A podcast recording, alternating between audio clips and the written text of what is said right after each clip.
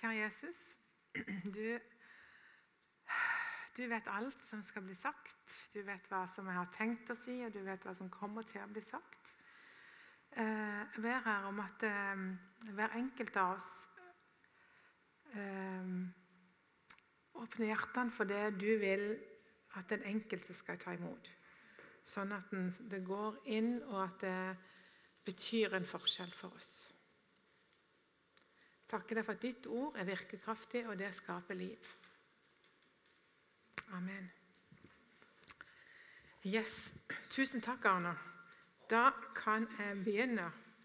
Og jeg var veldig sånn der Hva skal jeg kalle denne talen? Fordi Egentlig så våkna jeg opp en morgen og jeg sa, og så visste jeg å, jeg skal tale om Jesus. Egentlig hvem han egentlig er. Og det er egentlig sånn typisk alfatema. ikke sant? Hvem er Jesus? Egentlig. Så tenkte jeg jeg kan ikke ha det, for det var ikke helt egentlig, ikke det helt den samme rammen som Hvem er Jesus på alfa? Så Derfor så det, ble det liksom tittelen 'Jesus er verdens mysterier'. Og det er faktisk det.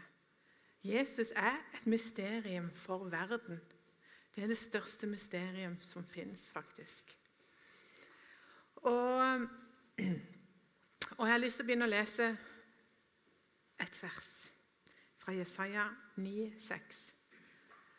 For et barn er oss født, en sønn er oss gitt. Herreveldet er lagt på hans skuldre. Han har fått navnet Underfull rådgiver, veldige Gud, evige Far og fredsfyrste. Så dere, hvordan tenker du om Jesus?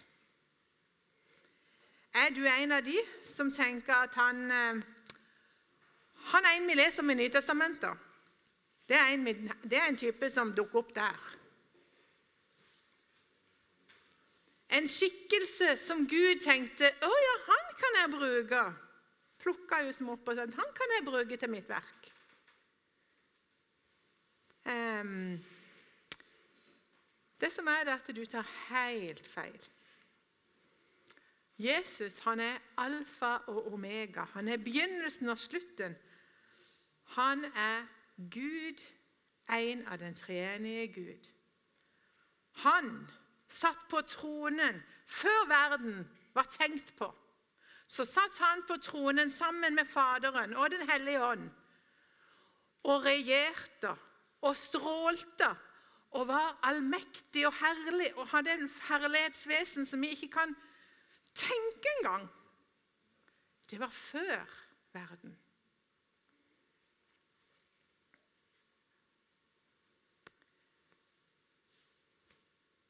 Jesus er og var og kommer. Han, er, han, har alltid vært før verden ble skapt, og vil alltid være. Jesus Kristus er i går og i dag den samme, ja, til evig tid. Hebreerne 13, 18.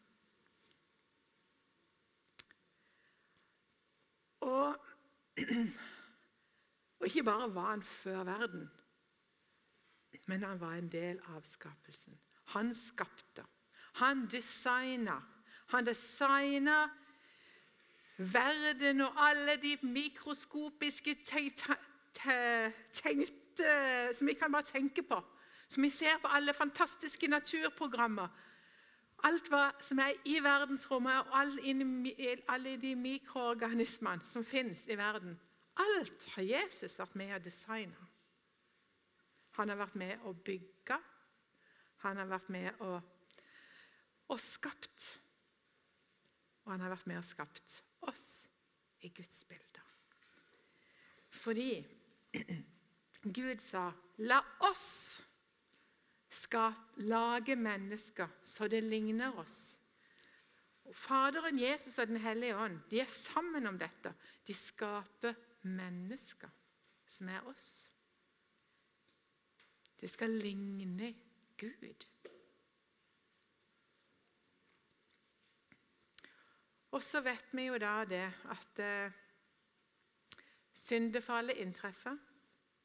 Alt det som var perfekt skapt av Gud, ble ødelagt av, at, av ulydighet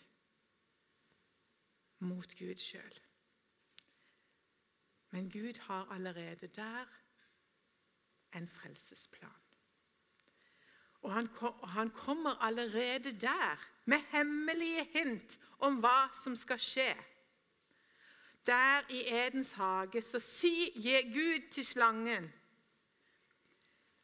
ha, altså Det står 'den skal ramme ditt hode', men den, det er jo Jesus, da. Han skal ramme ditt hode, men du skal ramme dens hæl.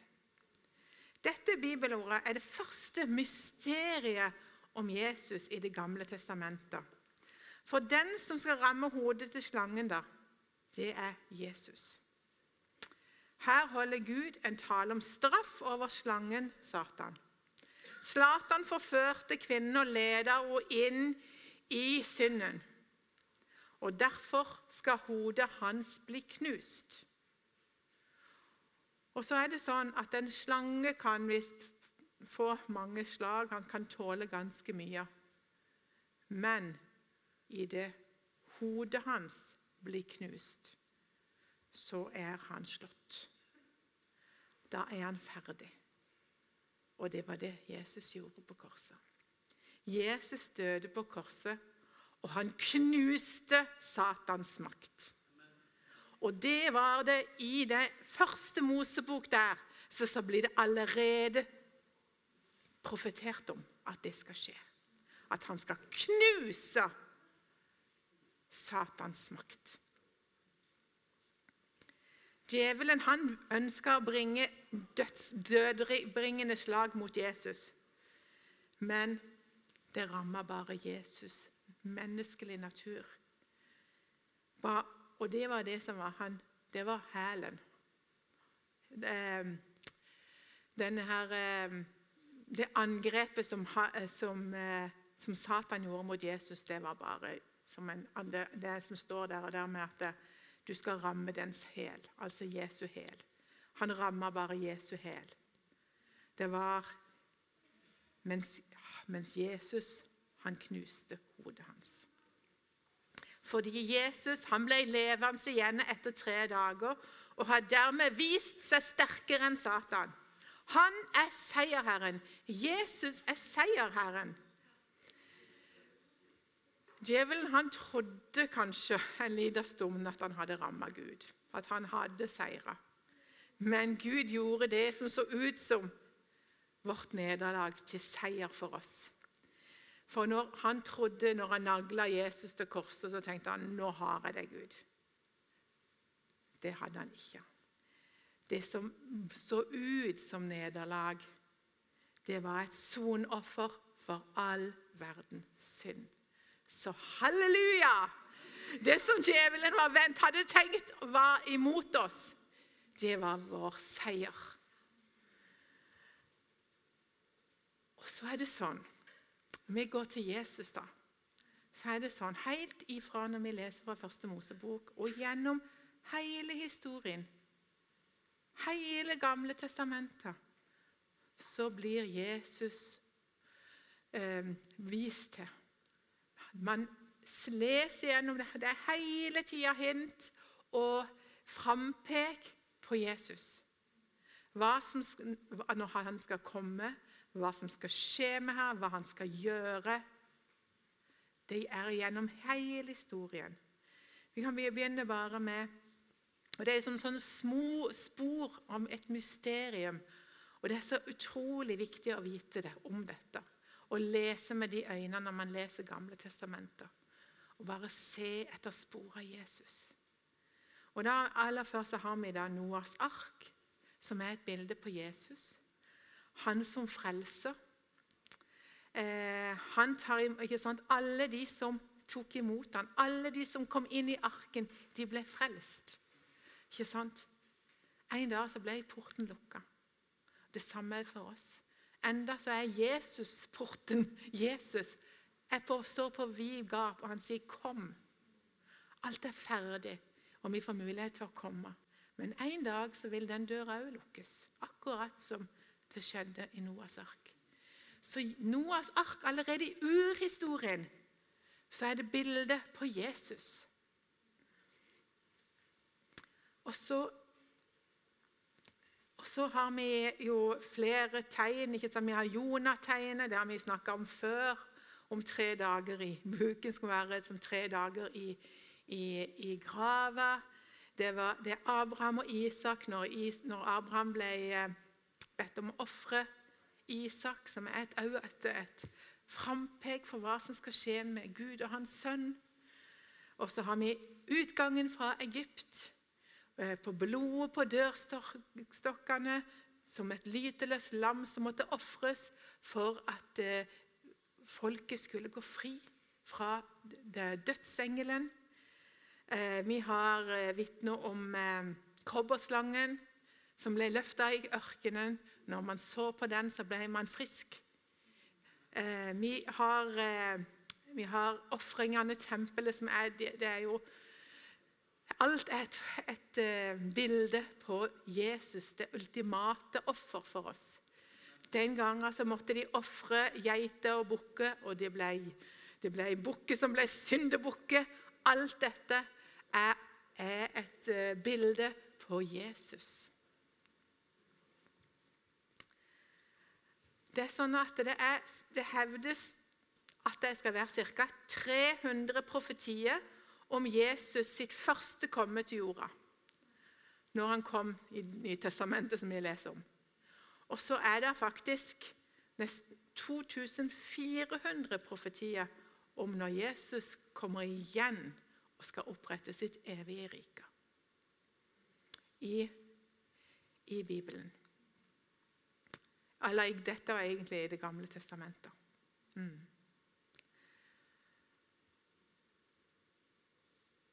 Det er så mange navn eh, på Jesus. Og når jeg begynte på dette, så fant jeg ut her må jeg jo avgrense veldig. For dette er sånn stort. Jeg tror vi kunne hatt møte i vet ikke hvor lenge, men iallfall veldig veldig mange, mange undervisningsfolk om dette. For det, er jo så mange eh, områder Jesus eh, ja, Vi kan snakke om Jesus på da. Og han har så utrolig mange navn. Eh, men jeg har lyst til å, og jeg hadde egentlig tatt litt om vi kunne ta en brudgom, men jeg har ikke lyst til å gå så veldig inn på det, for det er jo sånn, det er jo en egen taler. Men han eh, er jo vår, han er jo eh, vår brudgom, og vi er jo hans brud. Og der har vi jo lignelsen eh, om eh, jomfruene, og vi har Det er mye som går på hans neste komme. Men det går jeg ikke inn på nå. Men det jeg har lyst til å ha, det er litt om dette navnet av fredsfyrsten. I Efesene 2, 14 og 17 så står det For han er vår fred, han som gjorde de to til ett og rev ned den muren som, kalt, som skilte, altså fiendskapet. Ved sin kropp har han opphevet loven med dens bud og forskrifter. Slik stiftet han fred da han av de to skapte et nytt menneske i seg. En, en kropp forsonet dem der begge med Gud da han døde på korset, og slik drepte fiendskapet. Han kom og forkynte det gode budskapet om fred, både for dere som er langt borte, og for dem som var nær. Og det er for alle folkeslag, dere. Jesus sjøl, som var jøde, han kom og sa 'Jeg er fred'. Han sa at 'jeg er fred for de som er langt borte'. Han er fredsfyrsten for alle folkeslag. Han er den som stifter fred. Uten Jesus så er det ikke fred. Og Jesus sier, 'Fred etterlater jeg dere. Min fred gir jeg dere. Ikke den fred verden gir.' La ikke hjertet bli grepet av angst og motløshet. Johannes 14, 27. Gud utvalgte seg et folk der hele hans plan om frelse skulle bli åpenbart for menneskene. Hele Israels historie handler om Gud og Guds mysterier. Gud, Guds frelse til menneskene blir fortalt gjennom jødenes historie. Og En dag blir Gud født inn i denne slekta. Jesus oppfyller da løftene fra Gud om at alle slekter i ham skal alle slekter eh, på jorden velsignes. Det, det, oppfyller Jesus. Og Hvis vi går til når Gud ga dette til Abraham, som er, eh, som er jødenes stamfar, da sier han Dra bort fra landet ditt, fra slekten din og fra farshuset ditt til det landet jeg skal vise deg. Jeg vil gjøre deg til et stort folk. Jeg vil velsigne deg og gjøre navnet ditt stort. Du skal bli til, du skal bli til velsignelse. Jeg vil velsigne dem som velsigner, men den som, den som forbanner deg, skal jeg forbanne. I deg skal alle slekter på jorden velsignes. Første Mosebok 12, 1-2. Vi som er kristne, vi som har tatt imot Jesus som vår Herre og Frelser, og vi som kjenner sannheten, vi må be og virkelig om at verden skal se Jesus og ta imot fredsfyrsten, for det er han som stifter fred. Vi trenger at alle folk, også jødene, at de skal se at Jesus er deres Messias, som de venter på. Vi trenger å be for det. Vi trenger virkelig å be om at verden skal se Jesus, Frelseren.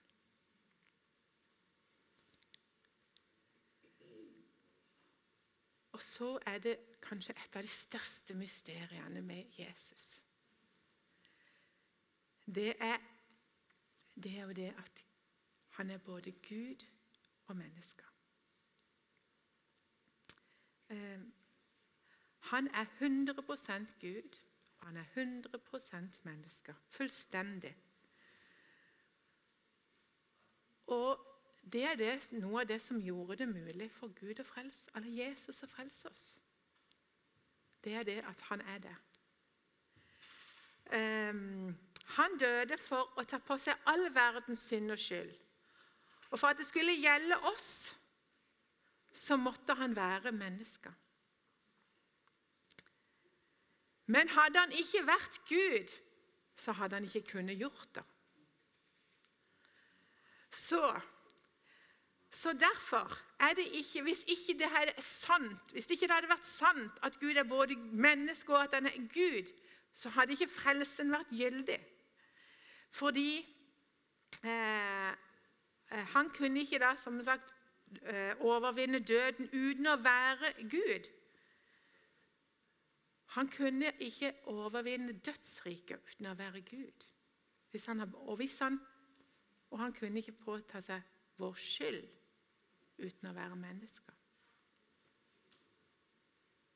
Så derfor så var det hans frelsesverk var faktisk avhengig av at han var fullstendig menneske og fullstendig Gud. Tenk det. Han fornedra seg sjøl. Han som hadde den skikkelsen i himmelen som alle tilbedte. Han fornedra seg til å bli skapningen sin, det han hadde lagd.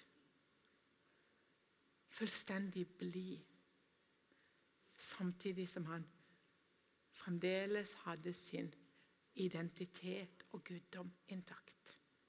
Derfor ble han et gudemenneske. Og ved, og ved det så tok han på seg all verdens synd. Han tok på seg all vår skyld, og han gikk i døden og dødsriket som et menneske, som Gud. Men pga. at han hadde var Gud og hadde eh, guddommelig Han hadde all verdens makt og kraft. Så er det som jeg sier, så ble, så han, ble han reist opp og vant over døden. Og han ble det med første menneske som overvant døden. Han ble det første mennesket som vant over døden. Og på grunn av at han gjorde det, så vet vi at vi en dag skal stå opp. Fordi da Jesus står opp, så vet vi at vi skal stå opp. Halleluja! Amen. Det er, det er, bare så fantastisk. Og, jeg, og, jeg, kjenner jo av og til Hvis jeg er litt sånn, så kan jeg av og til sette på noen sanger. Og, og, det er en av de sangene som jeg kan bli veldig veldig glad Og det er det, den der eh, som, som er eh, fordi at han eh, gikk, gikk, i døden, så skal vi stå opp. Det, nå husker jeg ikke selve sangen, men den handler om akkurat det. Eh, og det er fordi at jeg vil følge Jesus. Vi følger Jesus opp av graven. Amen. Um,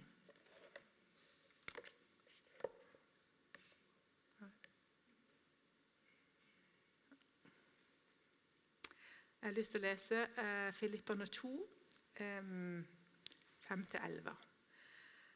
La dette sinn være i dere, som også var i Jesus Kristus.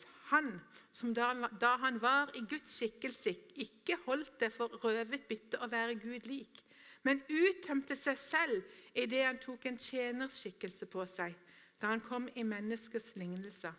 Og da han i sin ferd var funnet som et menneske, fornedret han seg selv og ble lydig til døden. Ja, døden på korset. Derfor har Gud høyt opphøyet han og gitt han det navnet som er over alle navn, for at Jesu navn for at i Jesu navn skal hvert kne bøye seg, dere som er i himmelen og på jorden og under jorden, og hver tunge skal bekjenne Jesus Kristus er Herre, til Gud Faders ære. Amen.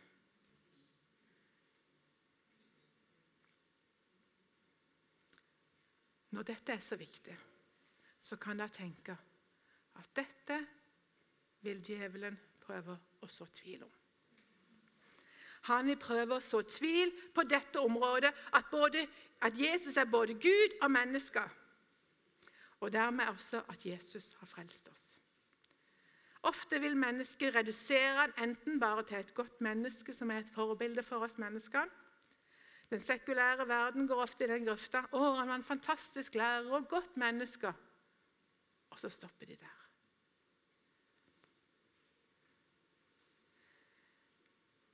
Både islam og eh, Jehovas vitner de mener at Jesus var en profet, men nekter for at han var Gud, eller er Gud.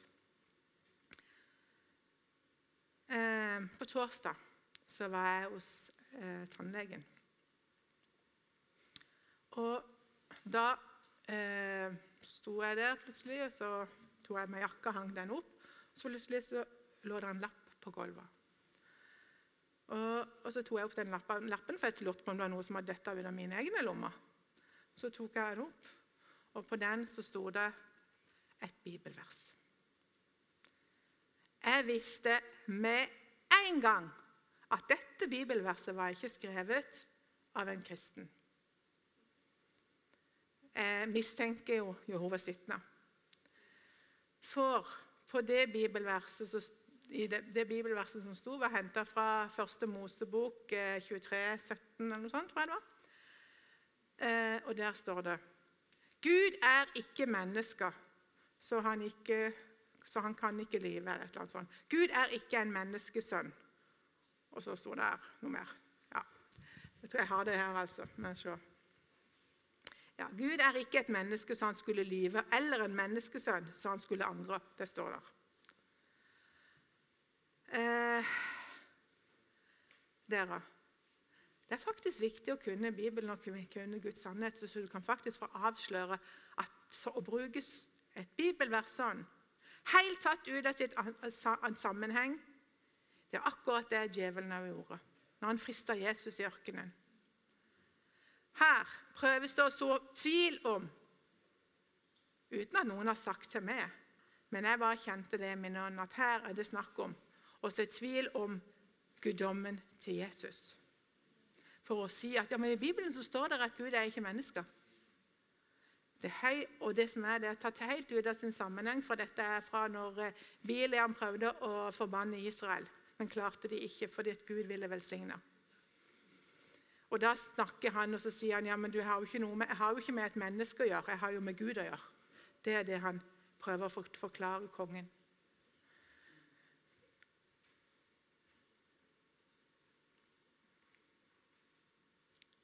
Derfor er det så utrolig viktig at, Jesus, at sannheten er at Jesus er både Gud og menneske. For han, han ble et menneske for å kunne være vår stedfortreder. og ble dømt, gikk i døden så vi skulle gå fri. Fordi at det var han som vant over døden i dødsriket, ble, det første, ble vi da det første mennesket ikke sant? som sto opp til et evig liv. Eh, noen kirkesamfunn de gjør Jesus mer som en fjern gud. Eh, de tar og henger han opp på et kors. Og Så kommer de inn og så tilber de han. Og så går de ut, og så henger Gud, Gud igjen der. Da er det den oppbare Da har de på en måte fjerna eh, Gud og mennesker. Det at der, der er Gud, og der henger, henger Gud. Men han er han, eh, den, det mennesket Jesus som er prøvd i alt. Som kjenner oss ut og inn, som har lidd, som har hatt sorg, og som er med oss hver dag. Det er mennesker som bor i oss. Det er en Jesus som bor i oss. Og er til han han er der ikke, for de har ikke De har bare en, en Gud som de tilber, og så går de fra. Det, det, det skiller mennesket Jesus og Gud.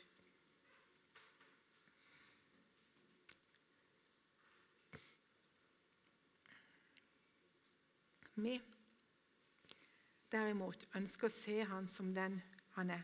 100% Gud, 100% menneske. Og så tenker jeg Vi kan gå i, i oss oss sjøl og så tenke Har vi ærefrykt for vår Gud Jesus? Gir vi han den tilbedelsen og æren han fortjener? Tilber vi han i ånd og sannhet? Eller gjør vi det at vi glemmer at han var et menneske? Hvordan det er å være oss? Det at han er prøvd i alt? Det at han kjenner det, kjenner din smerte, er med deg hver dag? at han har gjort alt. Han er faktisk løsninga på alt. Så hvordan klarer vi å balansere dette nære forholdet til en opphøya Gud, der hans navn er over alle navn? Vet du hva? Jesus er løsninga faktisk på det òg. For når vi tar imot Jesus, så flytter han jo inn, og vi får ta del i han. I det vi tar imot Jesus, så dør vi med han på korset. Og vi blir oppreist med han og levende med han. For da, da er vi ikke lenger herre i vårt eget liv. Det er han som er herre i vårt liv. Vi har gitt fra oss vår egen, egentlig vår egen vilje til han. Vi har fått en venn som ikke bare vi vet vil oss vel. Han vil gjøre det, han vil hjelpe oss. Han vil, at, han vil både gjøre det, og han vil hjelpe oss å ville gjøre det. Og han vil Han gjør oss òg perfekt framfor Gud. Han hjelper oss å tilbe og opphøye Han. Gud setter oss i stand til alt dette. Vi kan ikke gjøre noe av dette sjøl. Han er faktisk alt. Han er svaret. Han er svaret. Og En dag så vil vi se tydelig både mennesket Jesus fysisk til stede. Samtidig vil vi ikke være i tvil om at han er Gud. For en dag så kommer Jesus igjen. Men den dagen og timen kjenner ingen, ikke engang himmelens engler, men bare min far, sier sier Jesus i Matteus 24, 36. Og Endetidens punkt i historien er det jeg varsler grundig om i Bibelen. Og Jeg har å, jeg har ikke lyst til å, å si så veldig mye mer om eh, det, men jeg har lyst til å bare lese Bibelen og la Bibelen tale for seg. om. Og Da har jeg lyst til å lese fra eh, Johannes' åpenbaring. Dette er Jesu Kristi åpenbaring, som Gud gav ham for at han skulle vise sine tjenere det som snart skal skje. Han sendte sin engel og gjorde det kjent for sin tjener Johannes. Det er han som her vitner om Guds ord og bærer fram Jesu Kristi vitnesbyrd, alt det han har sett. Salig er den som leser opp ordene i denne profetien, og salig er de som hører dem og tar vare på det som står skrevet, for tiden er nær. Johannes hilser de syv menighetene i Asia. Nåde være med dere, og fred fra ham som er og som var og som kommer, fra de sju åndene som står foran hans trone, og fra Jesus Kristus, det troverdige vitne, den førstefødte av de døde og herre over jordens konger. Han elsker oss og har fridd oss fra våre synder med sitt blod og har gjort oss til ett kongerike, til prester for Gud, sin far. Ham tilhører æren, makten i all evighet. Amen. Se, han kommer med skyene. Hvert øye skal se ham, også de som har gjennombåret ham. Og alle folkeslag på jorden skal bryte ut i klagerop over ham. Ja, amen. Jeg er alfa og omega, sier Herren Gud, han som er og som var og som kommer, den allmektige. Jesus han er veldig opptatt av hjertets tilstand. Han gir oss en helt klar anbefaling. Vær da også dere rede. For menneskesønnen kommer i den timen dere ikke har tenkt. Lukas 12, 4. Det er, en det er en befaling fra Mesteren. Vær rede. Det er en befaling fra Jesus. Vær rede, for han kommer snart. Og, eh, og så er det jo sånn at vi, vi skal jo leve med en forventning til at Jesus kommer. Og det har kristne gjort i over 2000 år. Men det som er, det er at befalingen er like gyldig i dag som den var eh, for 1000 år siden og 2000 år siden. ikke sant? Eller etter at Jesus hadde dratt det opp til himmelen.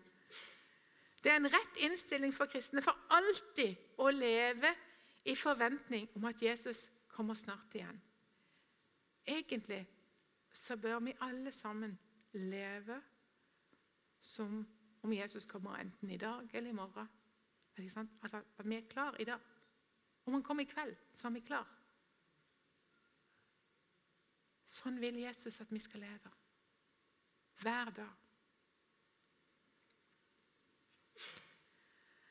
Vår frelser Jesus, vår Gud, er virkelig et mysterium for oss. Men vi elsker han. Og vi beundrer han, og vi takker, og vi tilber han. Og når, når, han kommer igjen Og nå har jeg tatt det fra brev, de syv brevene som Jesus hadde til menighetene. Og nå har jeg tatt ut litt fra hvert brev som gjelder oss. Når Jesus kommer igjen, vil han la oss spise av livets tre, som står i Guds paradis. Gi deg en hvit stein med et nytt, hemmelig navn som bare du og Jesus kjenner til. Jesus vil gi deg morgenstjernen. Jesus sier at han vil kle oss i hvite klær. Han vil skrive Guds navn og navnet på Guds by. Og Jesus vil skrive sitt nye navn på deg.